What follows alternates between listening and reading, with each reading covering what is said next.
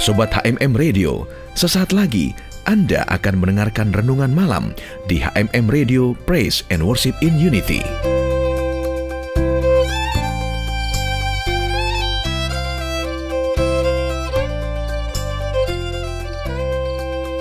Shalom Sobat HMM Radio. Kita jumpa lagi dalam program Renungan Malam. Sobatku, malam ini kita akan merenungkan topik pilihan hidup kita masih berada dalam perenungan kitab Salomo, orang yang paling berhikmat pada zamannya. Saya akan baca dulu melalui pengkhotbah 8 ayat 12 sampai 13. Tertulis demikian. Walaupun orang yang berdosa dan yang berbuat jahat seratus kali hidup lama. Namun aku tahu bahwa orang yang takut akan Allah akan beroleh kebahagiaan sebab mereka takut terhadap hadiratnya. Tetapi orang fasik tidak akan beroleh kebahagiaan. Dan seperti bayang-bayang, ia tidak akan panjang umur karena ia tidak takut terhadap hadirat Allah. Sobatku, hidup ini adalah sebuah pilihan. Mau menjalani hidup dengan cara yang seperti apa? Mau hidup lebih lama?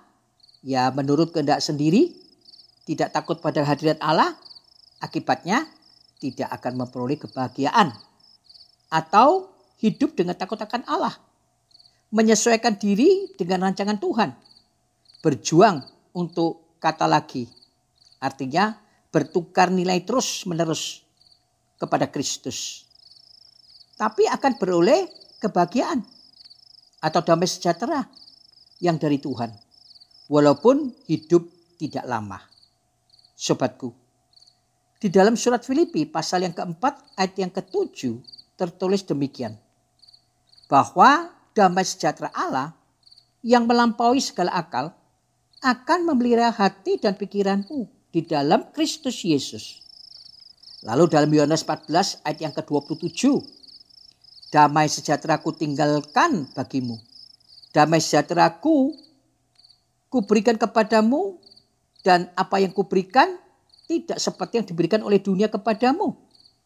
Janganlah gelisah dan gentar hatimu. Lalu ayat yang ke-14 dari pengkhotbah 8 tertulis. Ada suatu kesia-siaan yang terjadi di atas bumi.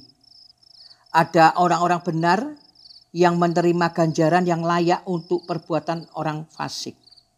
Dan ada orang-orang fasik yang menerima pahala yang layak untuk perbuatan orang benar. Aku berkata, ini pun sia-sia. Sobatku, di dalam terjemahan bahasa Indonesia masa kini uh, bisa dimengerti lebih enak. Namun semua itu omong kosong belaka. Lihat saja apa yang terjadi di dunia. Ada orang saleh yang dihukum bagai pendurhaka. Ada penjahat yang diganjar bagai orang saleh jadi itu pun sia-sia. Sobatku, wah ini kalau yang nggak ngerti bisa salah paham. Dikira tidak adil. Memang sobatku di dunia ini tidak ada keadilan. Hanya di dalam Tuhan ada keadilan yang sebenarnya. Perhatikan ini. Dan ini sudah banyak terjadi. Ada orang saleh yang dihukum sebagai pendurhaka ada penjahat yang diganjar bagi orang saleh. Haleluya. Ini sering kali kita temukan sobatku di pengadilan pada zaman sekarang ini. Saya jadi teringat sobatku di surat Ibrani 11 36 sampai 40. Tertulis demikian. Ada pula yang diejek dan didera. Bahkan yang dibelenggu dan dipenjarakan. Mereka dilempari digergaji, dibunuh dengan pedang. Mereka mengembara dengan berpakaian kulit domba dan kulit kambing sambil menderita kekurangan, kesesakan, dan siksaan. Dunia ini tidak layak bagi mereka. Mereka mengembara di padang gurun dan di pegunungan, dalam gua-gua dan celah-celah gunung. Dan mereka semua tidak memperoleh apa yang dijanjikan itu Sekalipun iman mereka telah memberikan kepada mereka suatu kesaksian yang baik. Sebab Allah telah menyediakan sesuatu yang lebih baik bagi kita. Tanpa kita mereka tidak dapat sampai kepada kesempurnaan. Sobatku, di dalam terjemahan bahasa Indonesia masa kini lebih bisa gampang dimengerti. Ada yang diolok-olok, dicambuk, diikat dengan rantai, dan yang dimasukkan ke dalam penjara. Mereka dilempari batu sampai mati. Ada yang dipotong dengan gegaji dan yang dibunuh dengan pedang. Mereka mengembara dengan pakaian dari kulit domba dan kulit kambing. Mereka miskin, dianiaya dan disiksa. Dunia ini bukan tempat yang layak bagi mereka. Mereka mengembara di padang gurun dan di bukit-bukit serta tinggal di dalam gua-gua dan dalam lubang-lubang tanah.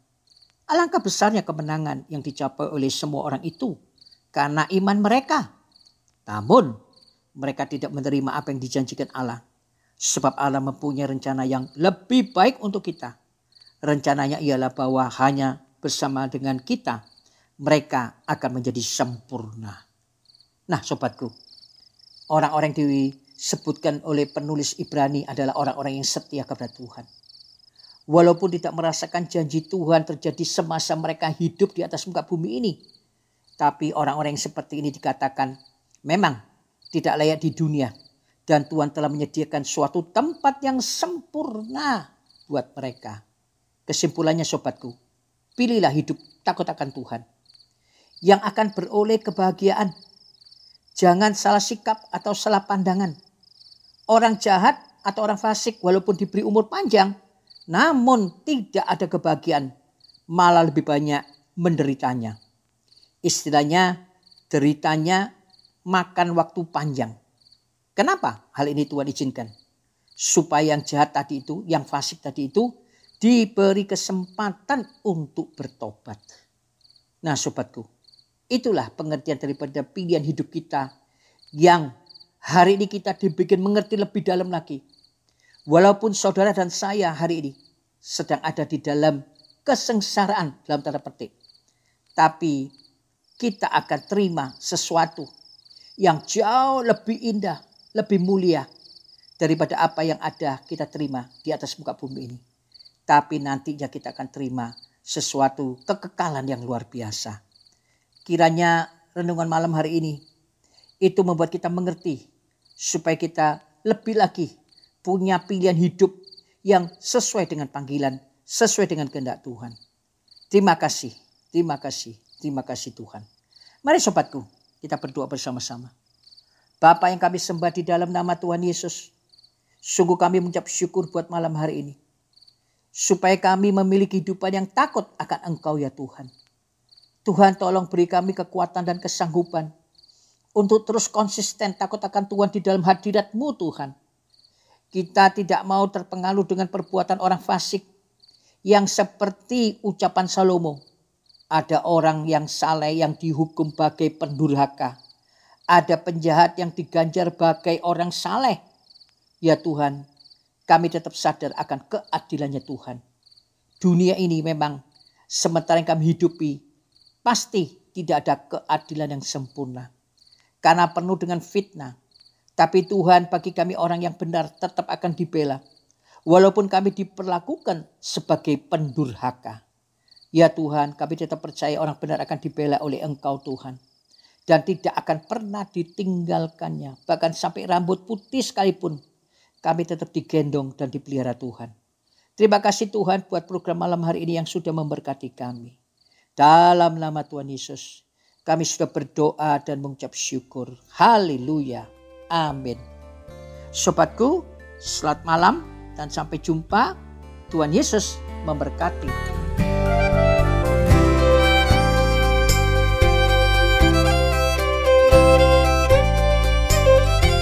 Sobat HMM Radio, demikianlah tadi Anda sudah mengikuti renungan malam di HMM Radio Praise and Worship in Unity.